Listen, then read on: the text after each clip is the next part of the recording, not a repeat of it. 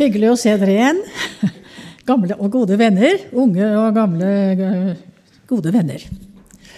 Altså, det er jo bare sånn at eh, jeg, jeg kommer jo til å trappe ned reisingen, da. Så jeg vet ikke hvor offentlig det er da, men eh, Jeg syns jeg har blitt minnet om at jeg skal satse på å skrive bøker istedenfor å reise. Og så er det det at jeg, at jeg drar på åra, rett og slett. Det er ikke alltid det ser sånn ut, men, men, men det er sånn. Så jeg hører dårlig, og det blir litt vanskelig med det sosiale og blitt mer reisesyk og alt sånn. Men i hvert fall, nå skal jeg være her i tre dager, forkynne Guds ord. Amen. Og jeg tenker jo på det med å skrive at Altså, jeg har jo skrevet en bok allerede, og, og, og man, man, vet jo ikke hvilke Det er jo bare tilfeldig hva man får vite av resultater av en bok. Men jeg har i hvert fall hittil fått vite at to mennesker er blitt frelst, altså. Og fått et nytt liv. Sier, og, og, da, og, hvor mange som er blitt oppbygget, det vet man jo ikke. Men jeg tror jo at eh, Altså, jeg er selv blitt frelst av å lese. Det var Guds ord, da. Hørte ikke forkynnelse, jeg. Jeg leste Guds ord. Og fikk åpenbart Jesus og forløsningen i ham. Så uh, uten sammenligning for øvrig, da, men i hvert fall at det skrevne ord gjør jo sin gjerning i mennesker. Så jeg skal satse på det. Det kommer en bok allerede til høsten. Ja, jeg har skrevet en bok til allerede. Mm. Jeg syns Herren sier at jeg skal være hans kontordame. Kontordamen er sånn som skriver for de andre. Mm, ja. Amen. Men det som er herlig her, det er jo at dere er så glad i Guds ord. Og det er jeg også. Og det er jo ord, det er Guds ord som er det levende og virkekraftige. Og Derfor er det veldig godt å komme hit til dere og forkynne Guds ord. For jeg vet at dere tar imot, og dere vil ha det. Og jeg vil ha det, og jeg vil gi det. Amen. Ja. Det jeg syns jeg eh, først er blitt eh, minnet om, det er dette som vi vet veldig godt. At for det første så er Guds rike ikke av denne verden. Men det jeg syns jeg også ble minnet om, var dette at, at, at Jesus jo sier at hans herlighet er heller ikke av denne verden. Og nå har dere sunget, om, sunget bønnen om å få komme inn i herligheten og se det. Så det som jeg kjenner for i dag, da, det er dette at det er bare Det er Guds rikes herlighet. Det er Jesu Kristi herlighet, det er himmelens herlighet, som Jesus tok med seg inn i denne mørke verden. For det var det han gjorde. Ja. Himmelens herlighet kom han med inn i denne mørke og fortapte verden. For fra syndefallet så har verden rett og slett vært fortapt. Det, det, man kan like det eller ikke like det, men det er bare sånn det er. Verden lå i mørket. Så kom han som er lyset, verdens lys. Ikke fordi han hørte til i verden, men fordi at han hadde himmelens lys med seg inn i den mørke verden. Derfor ble han verdens lys. Han ble det lyset som lyser opp mørket i verden. For de som tar imot det. Det er og blir frivillig. Det er og blir et tilbud. Men det er, det er hans herlighet. Og og det er jo det vi kan bekjenne, og som jeg håper at vi bekjenner òg, at det er nettopp denne herligheten i Jesus Kristus, denne himmelske, overnaturlige herlighet, som rett og slett ikke er av denne verden. Det er det som har trukket oss til ham. Det er det som har fått oss til å bøye oss. Og i hans lys Og Guds ord er, er Guds lys inn til oss, inn i hver enkelt av oss og inn i denne verden, så er det lyset som lyser opp. Og som også lyser opp hvordan vi selv er bundet i verden. Og som har lyst opp hvordan, hvordan uh, vårt gamle menneske, kjødelige menneske, er syndig, rett og slett. Og jeg har lest mye vekkelseshistorie. Det har sikkert dere også, for vi lengter etter vekkelse. Jeg vet det, og forventningen ligger der i menigheten om at ja, men det, det kommer. Men jeg ser det tydeligere og tydeligere at der hvor vekkelsen virkelig slår ut, det er når synserkjennelsen blir en virkelighet. Det er da det skjer. Det er da det faktisk skjer. Og Jeg hørte akkurat en som minnet om, om han eh, fantastiske engelske forkynneren fra forrige århundre, han Spurgeon, som han het. Jeg har også akkurat lest på, frisket opp en biografi. Han også han hadde en sånn syndenød. altså. Han var bare så fortvilet over seg selv. Og han hadde jo jeg holdt på å si, Det er jo som etter loven at man prøver å forbedre seg. Og jo mer man prøver å forbedre seg, jo verre blir det jo. Jo mer ser man hvor altså, håpløst det er. Så han var langt inne i det. Veldig motløs, veldig fortvilet. Så, men han gikk jo i menighet og, og, og, og sånn. Og, foreldre, familien var jo kristne, og de hadde Det var en stor menighet som han hørte med til. Men, men en, en, kveld det skulle være møte, så var det så veldig dårlig vær. Og så ble det sånn at han ikke han orket ikke liksom å dra helt bort til den der menigheten. Og så isteden så bare gikk han innom en bitte liten, ubetydelig menighet. Som, som, det var lettere å komme til, da. Og der var det nesten ikke et menneske, men det var noen. Og så gikk det fram en liksom litt gammel og spesiell mann, og, og han bare sto der, og så pekte han utover i forsamlingen, og så sa han 'Se på han!' på Jesus. Da ble Spurgeon løst altså fra sin synd. Da så han det. Han så Frelseren. Han så han som hadde tatt all hans synd på seg. At det var ikke han selv som skulle forsøke å bli et bedre og bra nok menneske, men at det var en som hadde tatt alt sammen og gjort alt. Og så ble han løst. Og så ble han en av verdens eh, eh, mest fruktbare forkynnere, rett og slett. Da hadde han et budskap. Ja. Og det var ikke bare han, da. Jeg har akkurat lest en annen biografi også, som jeg helt tilfeldig kom over. Hadde aldri hørt om han. Kom over på brukt, en sånn bruktbutikk. Da. En som het Gossner, som var født i slutten av 1700-tallet, og som virket i begynnelsen av 1800-tallet. Som var katolsk pater. Han var intellektuell. Han gikk ut fra universiteter med alle mulige beste karakterer.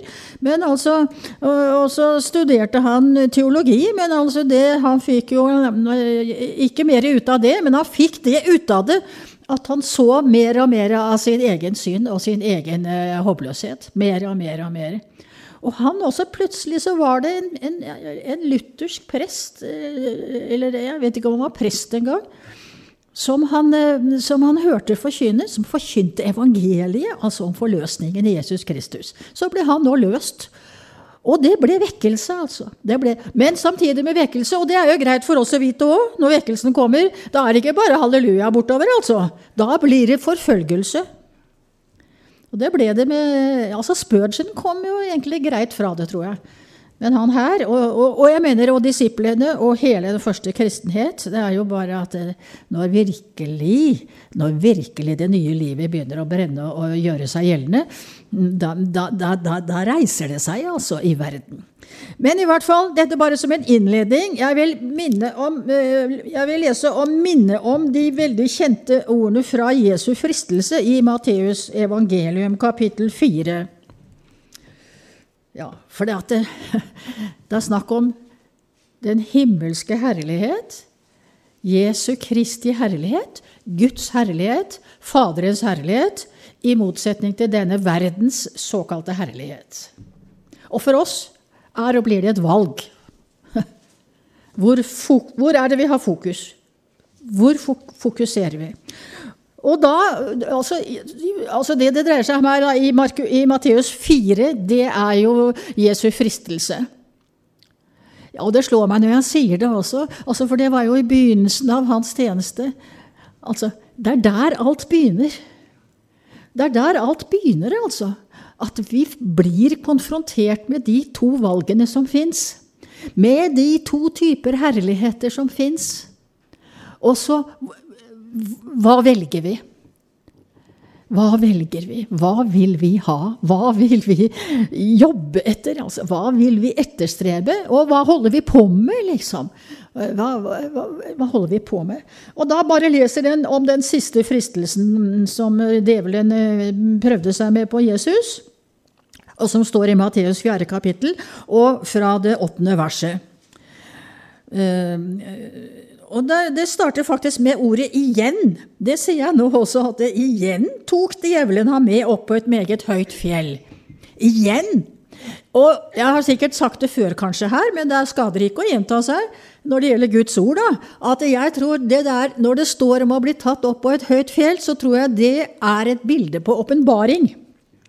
Det er åpenbaring, rett og slett. altså. Uh, djevelen har også sine åpenbaringer. Det er ikke sånn at alt overnaturlig er Den hellige ånd. Nei, djevelen har sine overnaturlige, åndelige åpenbaringer, som han frister hvert eneste menneske med, selvfølgelig. Uh, og så har, men så har Herren sin åpenbaring. Den hellige ånd har sin åpenbaring, hvor vi får åpenbart Guds rikes herlighet og Guds vilje og det som er livet i Han. Men igjen, når det står at djevelen igjen, da tyder jo det på at det var ikke første gangen. Han, han, han, drev, han drev, på med Jesus. Han drev på, åpenbarte altså det som han ville presentere, det som han definerer som herlighet, og som det største og viktigste av alt. Djevelen driver med det hele tiden. Han fins nemlig. Det er jo ikke så moderne å si det at djevelen fins, men jeg bare gjentar det. Det er bare å kikke på Dagsrevyen hver dag, så skjønner vi det. Altså så mye ondskap. Ja, så mye ondskap. Ja, men det er et helt annet sted, og det er sånne umulige mennesker. Nei, har, det ligger i mennesket, alt sammen. Og det er fordi at djevelen faktisk fins. Igjen tok djevelen ham med opp på et meget høyt fjell og viste ham Hva var det han viste ham? alle verdens riker og deres herlighet. Og deres herlighet. Alle verdens riker uh, har sin herlighet. Og den som er verdens fyrste, det vet vi hvem er, det er djevelen. Sånn at han presenterte sine ting, da. Begynte med Jesus. Men det er ikke bare Jesus som, som blir utsatt for det, eh, eh, for det valget så får altså, hvor, hvor, verdens herlighet, altså det som er så flott i verden, at det, som, og som verden setter så veldig pris på, at det, det blir vist oss. altså, Det blir fremstilt for oss. Det blir liksom fremstilt som så fantastisk. Jeg må si det er en sånn sidebemerkning, sånn men altså, jeg leser jo nyhetene på nettet. Og jeg må si jeg undrer meg, hva som er de, undrer meg over hva er det som er de store oppslagene? jo, det er at en eller annen popstjerne nå har forlova seg eller har blitt sammen med en annen. Eh, eller at en annen tilsvarende har eh, slått opp med sine og fått seg en ny. det er jo eh, veldig mye sånt det går. Pluss at det går på all verdens elendighet og ulykker. Og som jeg akkurat leste i Dagen i, i dag også, og jeg var bare helt enig, at det på fjernsynet, også nyhetene, det er å fokusere på ødelagte mennesker, på mennesker som er forulykket. La oss få nærbildet. Og når jeg ser på nyhetene på, på nettet også, så står det 'klikk her', så skal du få se nærbildet av den politimannen som ble skutt, osv. Altså, det, det, det, det, er en åpenbaring av denne verdens såkalte herligheter, det som gjelder. Og hvorfor sender de alt sånt nå på TV, og hvorfor sender de det på nettet, og hvorfor skriver de om det? Jo, for de vet at det, tenner folk på. Altså, da, da, får de, da, får de, klikk, altså. Eh, blir, det er positivt. Det er det folk vil ha. Da får de solgt ved varene sine. Det er denne verdens herlighet, rett og slett. Ja. Sånn at djevelen holder fortsatt på og bare dytter på og dytter på og dytter på og åpenbarer denne verdens rikers herligheter. Og jeg må jo si at eh, altså, jeg har jo data sjøl, altså, så, og det er jeg veldig glad for. Men eh, det er jo et veldig instrument som kan brukes til både godt og vondt, selvfølgelig. Men det kan brukes veldig til vondt, og det blir det brukt som. Ja, og, og, jeg tenker på det, det går inn i alle hjem. Og der sitter ungene og kikker og ser, ikke sant? Og, og, det går inn. Det går inn, det går inn, det går inn. Men i hvert fall Jesus, og han har gått foran oss i alt. Og han har prøvet i alt i likhet med oss. Og det er det han, det står om her i, når han blir fristet, da, selvfølgelig. Altså, igjen tok djevelen ham med opp på et høyt fjell meget høyt fjell, så det var kjempeåpenbaring, altså. Og viste ham alle verdens riker og deres herlighet.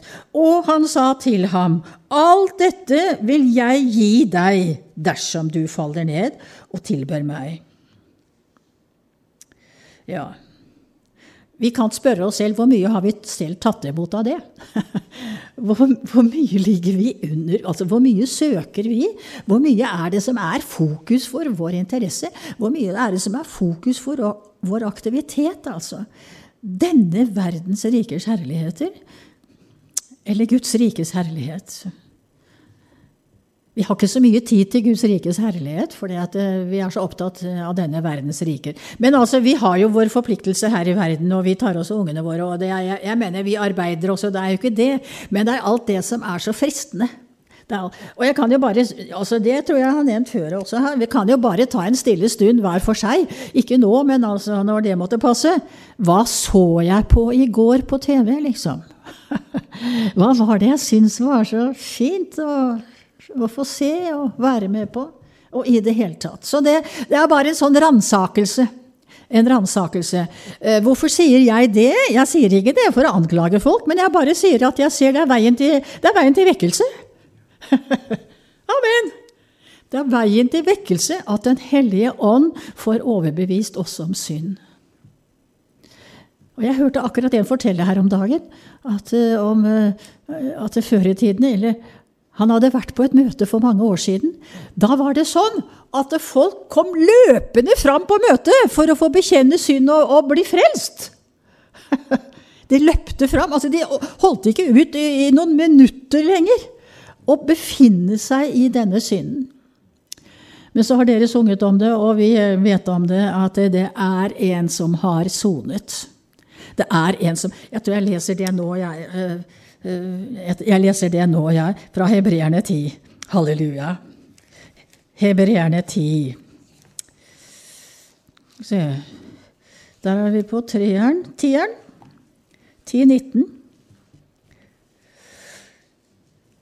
Ja, jeg tror jeg tar 14 først, jeg. Ja. Og det er selvfølgelig om Jesus. For med ett offer har han for alltid gjort dem fullkomne som blir helliget. Altså Det ene er gjenfødelsen og frelsen der, og så er det helliggjørelsen som er prosess. Vi blir det. Vi blir helliggjort. Han holder på å helliggjøre oss. Og han gjør det nå i dag òg, for helliggjørelsen består jo også i at Den hellige ånd ved sitt ord viser oss hvordan det står til. Sånn at vi må kaste oss på Gud igjen. Kaste oss på Jesus. Be om tilgivelse. Omvend oss, altså. Lutheranerne snakker jo om den daglige omvendelse. Det er ikke noe dårlig betegnelse, det. Men han har gjort det som, han har gjort det som skal til. Det er fullbrakt. Offeret er fullbrakt. Straffen for all synd eh, er Det har skjedd på korset. Det er gjort med ett eneste offer. Gud ofret sin egen sønn. Så er det gjort. Og Derfor så står det i vers 16 hva Gud vil. Dette er den pakt jeg vil opprette med dem. Dette er jo fra Gammeltestamentet, da, altså profet, det er profetien om Jesus. Så sier Herren, jeg vil gi mine lover i deres hjerter og skrive dem i deres sinn. Og den dagen vi tok imot Jesus, så skjedde det. Fordi at han er, han er alt. Han har fullendt loven. Han har fullendt alle eh, budene. Han har levd det, og han har flyttet inn i vårt hjerte. Sånn at uh, han bor i hjertet vårt. Sånn at egentlig så har vi tilgang til alt. Både kunnskapen om hva Gud ikke har behag i, og for ikke å snakke om kunnskapen om alt det Gud har behag i. Det ligger inni oss, altså. I hjertet. Men da gjelder det bare at dette hjertet ikke er eh, At det ikke er et sånt skall rundt det. Sånn at ikke det kommer inn, inn til oss i sjelen vår. Men at det er en åpning fra hjertet. At hjertet vårt får tale inn i vår sjel, inn i vårt tankeliv, inn i vårt liv. Men i hvert fall, han har gitt oss det. Og Derfor så står det jo videre i vers 17 og altså at Gud sier og deres synder og deres overtredelser vil jeg ikke mer komme i hu. Det er når vi har bekjent dem for Gud. Det er når vi har bekjent dem. Det er det Gud si, forlanger. At vi, bevisst, at vi, skal la oss bevisstgjøre. For det er jo Den hellige ånd som gjør det ved ordet. Uh, ved ordet, At vi leser eller at det blir forkynt. Og at Den hellige ånd får slippe til å vise oss. Vise oss liksom, en, det er prosess, og det er vise oss hva vi til enhver tid tåler å se. For det at vi tåler ikke mye om gangen. Vi gjør ikke det. Men altså, han viser oss det. Og så står det der det er forlatelse for syndene, trengs ikke lenger noe offer for synd. For det er ett offer som er gjort. Vi trenger ikke å drive og ofre og liksom skulle være Ja, gjøre så veldig mye bra for Gud for at han, skal, at han ikke skal bry seg om synden vår. Det er ett offer. Han har gjort alt. Vi kan ikke gjøre noe fra eller til på det. Vi kan det ikke, og vi behøver det ikke, for han har gjort det. Men så kommer det det som jeg bare vil lese vers 19. Brødre, sier forfatteren av hebreerbrevet, da. Han kunne godt sagt søstre òg, men altså, vi, vi, tar det vi, vi, er med dere, ja. vi er med. Vi har altså i Jesu blod frimodighet. Til hva da? Til å gå inn i helligdommen. Amen. Det er det det er snakk om å ha frimodighet til. Ja, men jeg trenger frimodighet. Ja, vi trenger frimodighet til å vitne og til å gjøre ditt og til å gjøre datt og til å tørre å stå frem og holde tale og alt mulig sånn. Men det som Jesu offer er, det som er, det frimodigheten gjelder, det er at vi nå har frimodighet til å gå inn i helligdommen. Det er inn der vi skal. Det er inn der Herren vil ha oss. Inn i helligdommen. Og det er en helligdom som ikke er av denne verden. Som ikke er av denne verden. En helligdom. Det er Jesu helligdom. Og Jesus sa jo selv at han var ikke av verden. Han sa 'jeg er ovenfra'. Så sa han til jødene 'og dere er nedenfra'. Og det er vi også, inntil vi har fått tatt imot Jesus og blitt født på ny. Når vi er født på ny, så er vi født inn i den himmelske, åndelige verden. Da, del, da, da er vi delaktige der. Vi hører til der. Kroppen vår og livet vårt er her på jorden, men det er, det er ikke lenger vårt fedreland. Det er ikke lenger vårt fedreland. Brødre, vi har altså i Jesu blod frimodighet til å gå inn i helligdommen. Til den, og det har dere sunget litt om også, til den har han innviet for oss en ny og levende vei. En hvem er det som er veien? Det er Jesus. Gud har sendt sin sønn, og han er den nye og den levende veien inn i Guds herlighet. Han er veien. Det er en ny og levende vei. Altså, vi har frimodighet i Jesu blod til å gå inn i helligdommen. Til den, altså til helligdommen, har han innviet for oss en ny og levende vei gjennom forhenget, det er hans kjød, eller hans legeme. Ja. Så det er, det er, bare veldig. Men da, da, kan vi bare tro at ja, men å, halleluja, ja, når vi har fått høre om dette, da er det liksom bare å kaste seg på Gud og ta imot. Men altså, det er jo ikke det er, altså, kjøttet, kjøtt er kjøtt, altså. Det sitter så sterkt. Skal bare minne hverandre om, eh, om det Paulus skriver i Romerne da, i første kapittel, om dette her. Og det uh, ta fra, Det er første kapittel og vers 21, hvor han skriver da uh, om, om menneskene. For enda de kjente Gud Og da står det foran at alle kan kjenne Gud. For det, eh, det er bare å ta en titt på, på, universet, holdt jeg på å si, og på jordkloden og på alt det som er skapt på hele skaper, skaperverket. Så ja, det er dessverre færre og færre som skjønner det. De skjønner jo bare ikke at ja, men da må det jo ha vært en skaper.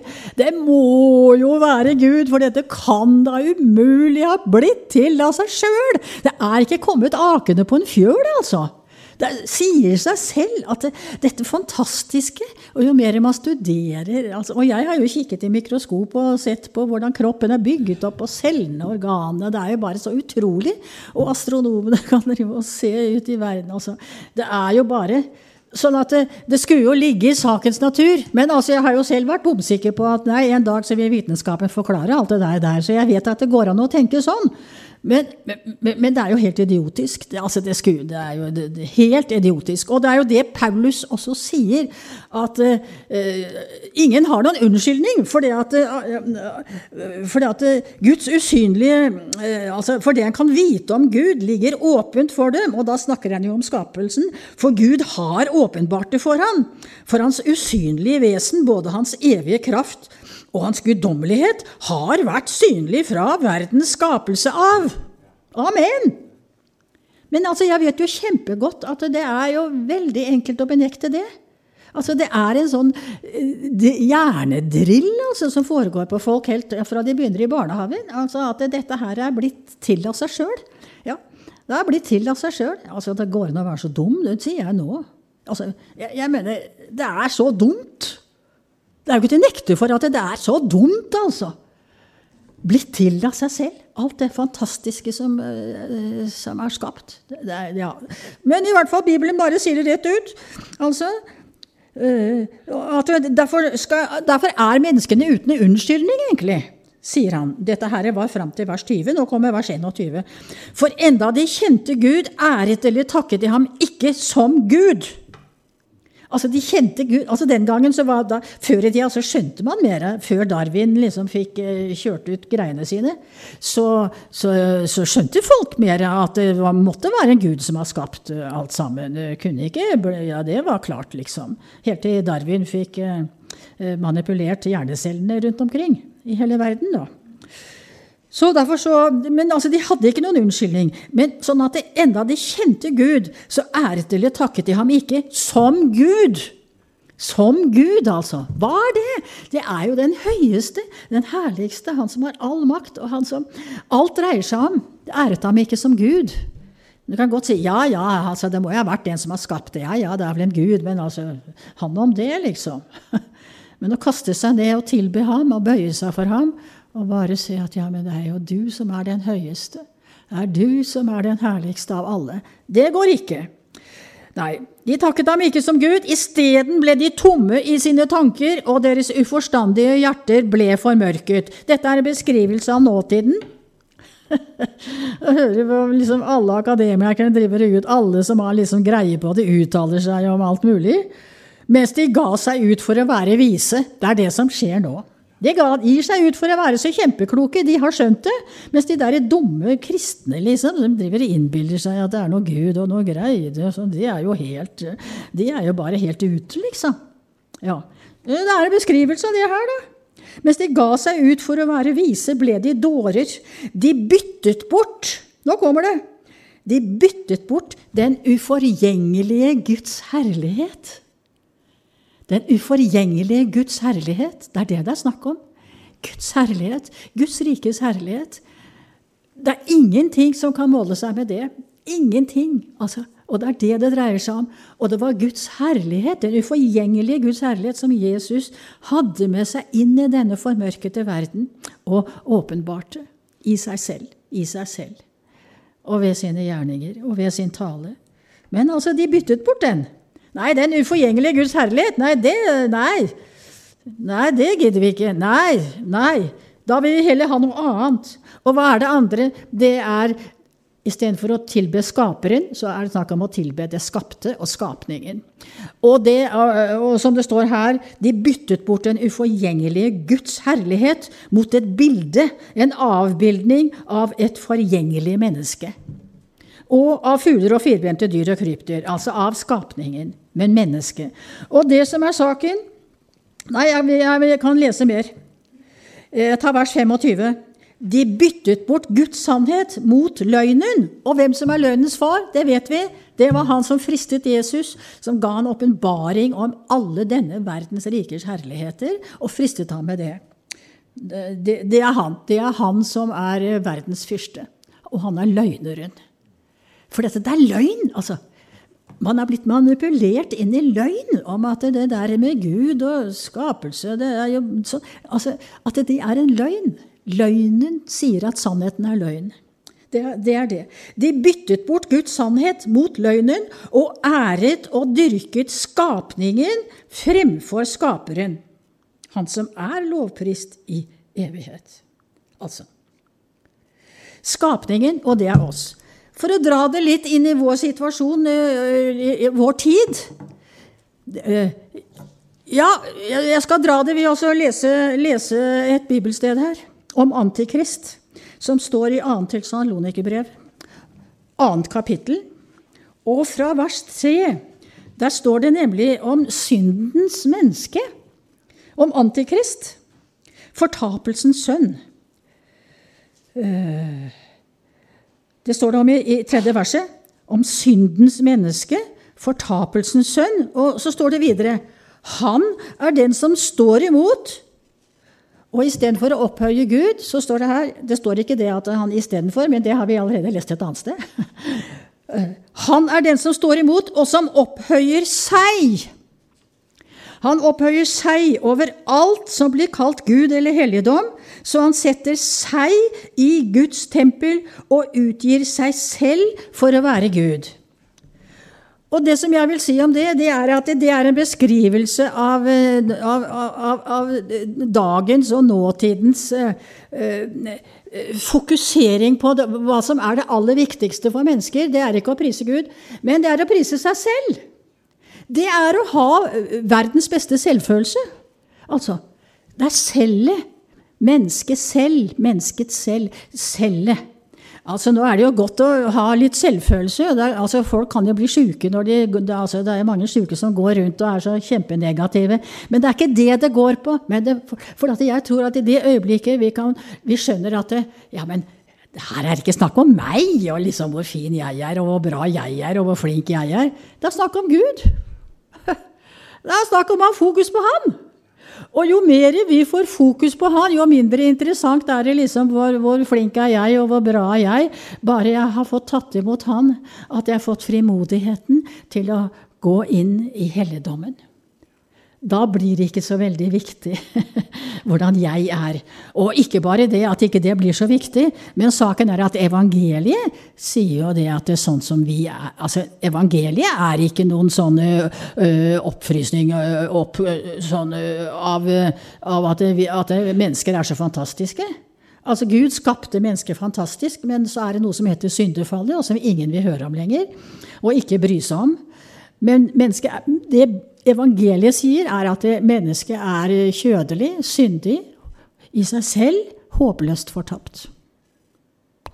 Det er det Bibelen sier. Det er det evangeliet sier. Det er det Gud sier. Altså, Jeg har faktisk opplevd at jeg forkynte noe av dette. Eller jeg forkynte korset. Og, og, og, at vi ikke makter noe i oss selv osv. Da var det faktisk en dame til, fra Sambandet som til og med selv forkynte litt av og til. Hun skjelte meg ut etterpå. Hvorfor det? Jo, for hun sa 'Du ødelegger selvfølelsen min', sa hun. og det er bare det å si at det, det, det gjør evangeliet. Fordi at evangeliet har, så, har noe mye bedre enn dette med oss selv. Evangeliet har noe mye bedre enn at det er selve skapningen som skal være fokus, verdifokus. Det er skaperen som er verdiet. Det er han som har all ære, all verdi. Det er han alt dreier seg om. Altså, de byttet ut. De byttet ut uh, skaperen med skapningen.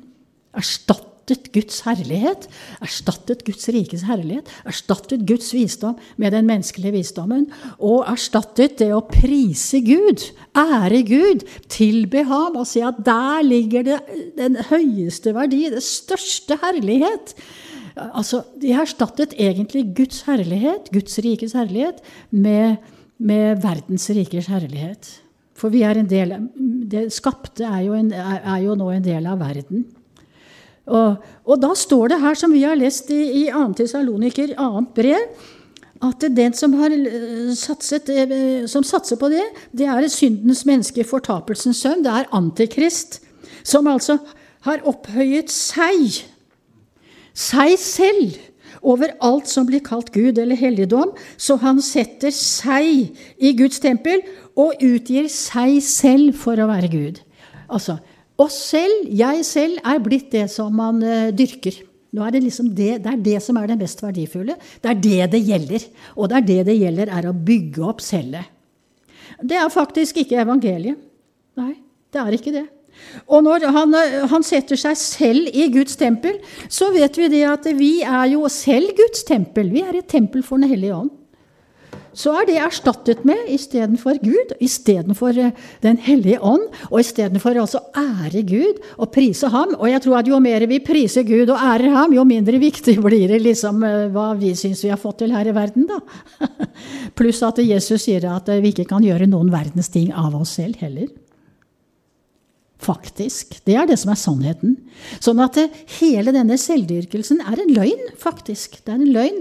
Og da står det her hvor den stammer fra. Den stammer fra Antikrist. Og Johannes sier jo at Antikrists ånd allerede er i verden. Ja, Så det er ikke noe vi behøver å vente på, men det skal bare bli verre og verre og verre. Uh, så, ja, så nå, nå, nå, nå skal vi ta den helt ut, da. Nå skal jeg lese litt i åpenbaringen om verdens rikers herlighet. Og det er sånn også som vi kan kjenne igjen altså, vi, vi, kan kjenne det igjen i dette kapitalistiske systemet, hvor vi ser det at det, det er penger og penger og penger og tjene penger som er det som gjelder. Og hvor, den, også, hvor også den økonomiske kriminaliteten bare øker. Også blant, også blant skikkelige, såkalte skikkelige borgere og forretningsmenn. Altså, Det er jo juks og bedrag hele verden. Altså, så, så, lenge det ikke blir oppdaget, så er det helt ålreit. Hvis det blir oppdaget, så er det veldig dumt. Men, men altså, det er, det er prinsippet. Og det er å skaffe seg og jeg mener man bør ikke være SV-er eller kommunist for å se at det er en enorm urettferdighet her i verden. Altså, mens vi ikke må ha problemer med å bestemme oss for hva slags julemat skal vi ha i år, ikke sant? så sulter de i tusenvis andre steder i verden. Jeg, jeg, jeg, jeg mener, vi, vi, vi, skjønner jo at det er et eller annet som ikke stemmer her. Ja, det er noe som ikke stemmer så står det i åpenbaringen en beskrivelse av den ekstreme materialisme, for å si det sånn. Den ekstreme materialisme, som er beskrevet som, som, er beskrevet som Babylon. Som Babylon. Og det står i åpenbaringen 18. For det kommer nemlig en dag, og det kan, bare, det kan vi bare være klar over Det kommer en dag da det kommer en dom, Guds dom, over dette. Det er ikke sånn at det, i verden at det kan bare kjøre på og kjøre på og kjøre på i all evighet. Nei. Det er en tid, det kommer en dag da Gud ikke vil ha det, finner seg i det lenger. Det kommer en dag da Guds vrede utøses over all denne urettferdigheten, for det er en urettferdighet. Og det er synd, og det er løgn, og det er kriminalitet, og det er uh, urettferdighet. Og det er, altså, det er, en dag er det slutt. Og det er bare billedlig beskrevet her, syns jeg. da, Billedlig, da. Jeg kaller det for det. men altså, Det er i Åpenbaringen 18, hvor en engel kom. Det er fra vers 1. Han hadde stor makt. Og da står det videre interessant i slutten av vers 1. Jorden ble opplyst av Hans herlighet. Og det var jo den guddommelige herlighet. Den mørke altså hele, Og Babylon, altså virkelig det mørkeste av det mørke. Altså hvor, hvor kan, ja, Kapitalistisk, det høres så politisk ut, men hele dette verslige systemet må karre til seg eh, Den enes død er den annens brød. ikke sant? Tråkke på andre for å komme opp sjøl og tjene penger og albuer og alt sammen. Men jeg bare koster på meg da å nevne altså den enes død er den annens brød. Brødet fra himmelen har kommet. Og hans død er blitt til brød for alle mennesker. Ja. Den enes død. Og det er, altså, det er resultatet av syndefallet. Den enes død. han måtte dø, han måtte ta det på seg. Men han slo bena under hele dette om at den enes død er den annens brød. At man bare kunne holde på. Ja, men det er sånn det er. Det ene død er den andres brød. Jeg kan bare tråkke dem ned, sånn at vi sjøl kan oppnå noen ting. Men han, han tok et kjempeoppgjør på det. Han tok alt sammen på seg. Den enes død. Jesu Kristi død, som vi har sunget om her. Og han er blitt det brødet fra himmelen, det levende brødet for alle mennesker. Og han har bare satt en stopper for hele dette verdens rikers herlighetsmåte å, å, å, skaffe seg rikdom og, og all materi alle materielle goder. Derfor så står det om eh, Babylon videre her, da. Altså at denne engelen som kom med, med Guds rikes herlighet, faktisk, da han hadde stor makt, og jorden ble opplyst av hans herlighet. Så det var en engel. Tenk da på Jesus. Og jeg tenker på det Jesus sier, han sier i Johannes evangeliet om at eh, jeg, jeg vil at, eh, han vil at eh, vi som hører ham til, skal være sammen med han for at de skal få se min herlighet. Se Jesu herlighet. Det kommer til å overgå herligheten til denne engelen også. Men denne engelen med denne herligheten han tok for seg Han bare kalte en spade en spade. Han bare satte fingeren på uh, hvordan det nå en dag blir med Babylon og med hele det materialistiske, urettferdige, syndige, uh, forferdelige. Og han bare kaller det Bibelen kaller jo Altså, Bibelen uh, har jo bilder har jo bilder på, på, lovløshet og på det å bryte Guds bud. Og veldig ofte kalles det for hor. Nemlig at istedenfor å elske Herren og holde seg helt til Han, så driver man på med alt mulig, alle mulige andre avguder osv. Derfor så sier engelen, vers 3, for av hennes horeliv, horeliv, altså Babylons horeliv, for av hennes horelivs vredesvin Altså Det er Guds vrede over alt dette, faktisk. For det er synd, synd, synd. Det er å ha gitt seg helt over til denne verdens rikers herlighet, som Satan prøvde å friste Gud med. Men hvor han jo svarte at, at det er Gud skal du tilbe. Ham alene skal du tilbe. Ja. For av hennes horelivs vredesvin Gud har en enorm vrede over alt dette. Har alle folk drukket. Kongene på jorden har drevet hor med henne. Og hva betyr det? De har holdt på med det, altså. De har vært med på det og syns at det har vært herlig. Deilig. Lystbetont. Å tjene alle disse pengene. Jeg slår av og til inn på nettet på E24 og leser om finansene.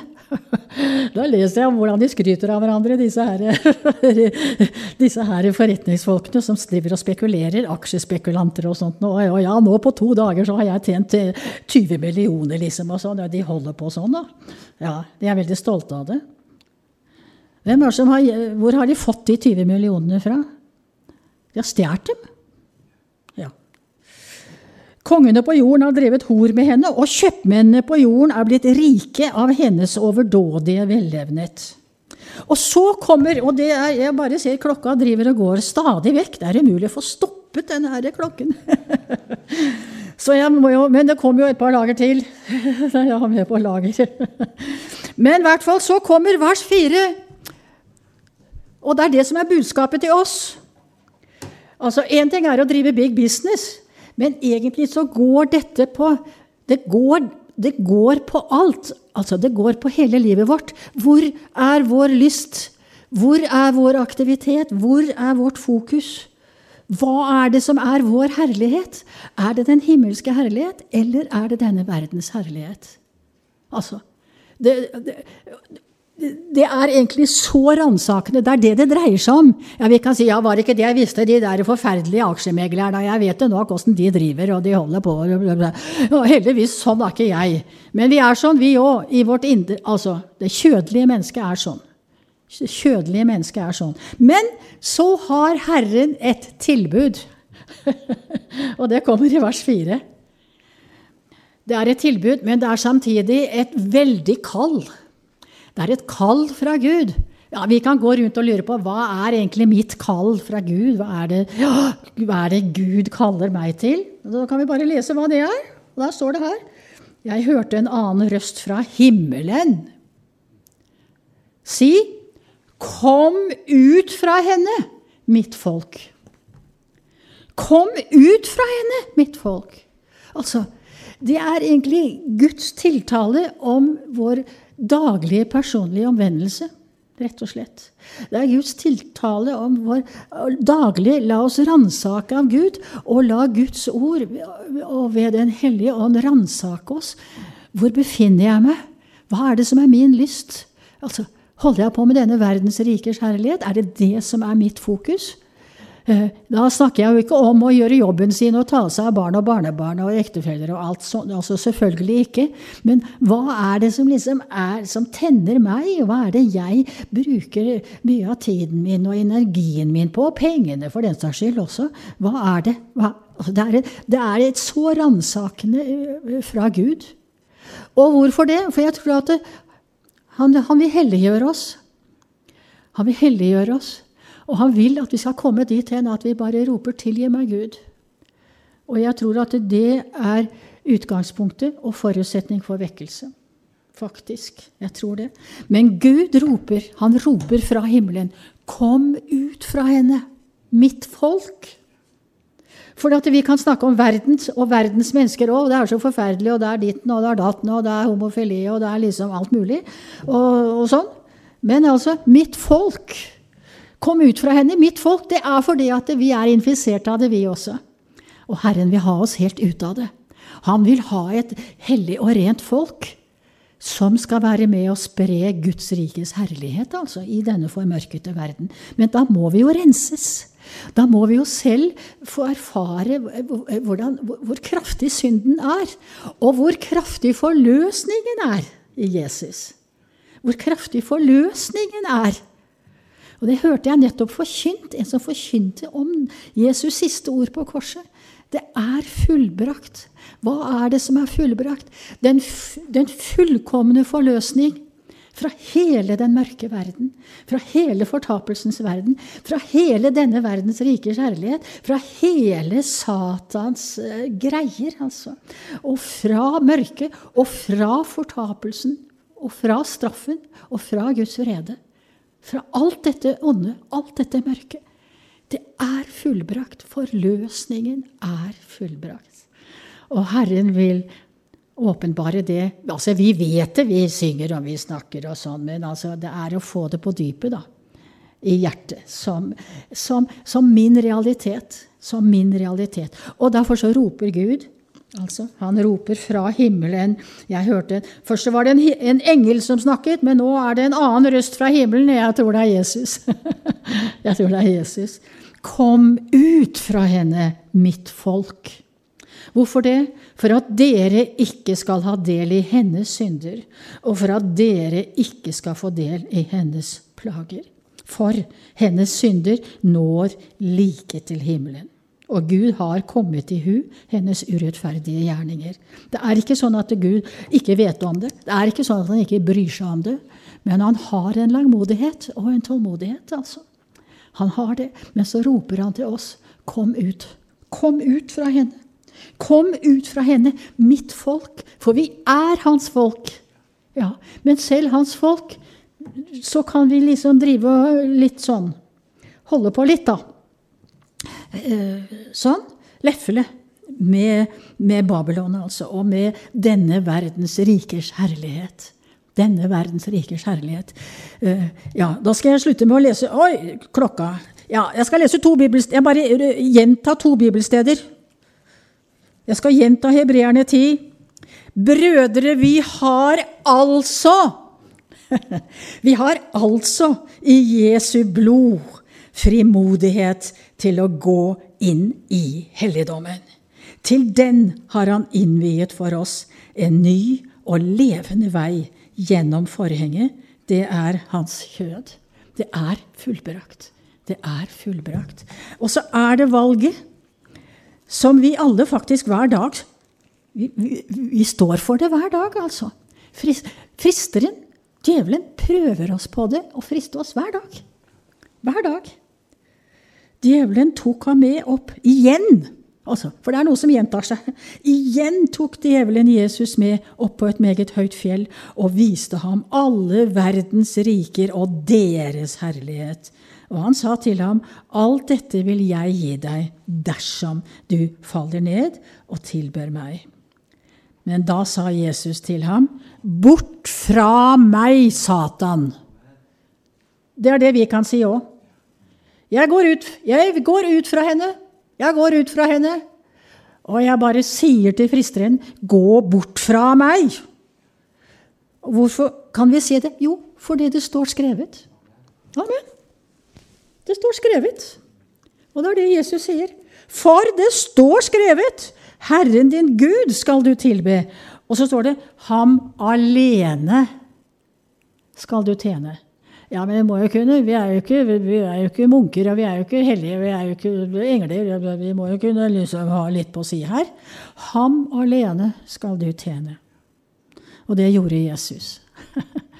Og så gikk han i døden for oss. Så tok han straffen på seg. Han tok Guds vrede over Babylon på seg. Og åpnet en ny og levende vei like inn i helligdommen for hver og en. Amen. Takk, Jesus. Takk, Jesus. Og jeg ber deg, Jesus, at du skal bare jobbe videre med oss ved Din Hellige Ånd, jobbe med hjertene våre. At du skal fullføre det du har begynt i oss, Jesus. Din helliggjørelse. At du setter oss i stand. At du setter oss i stand til å tjene deg av et helt hjerte. Og at vi skal få være dine tjenere, som skal få være med og bringe andre mennesker inn i din herlighet, inn i ditt rike, inn i det himmelske, inn i syndenes forlatelse og evige liv. Amen.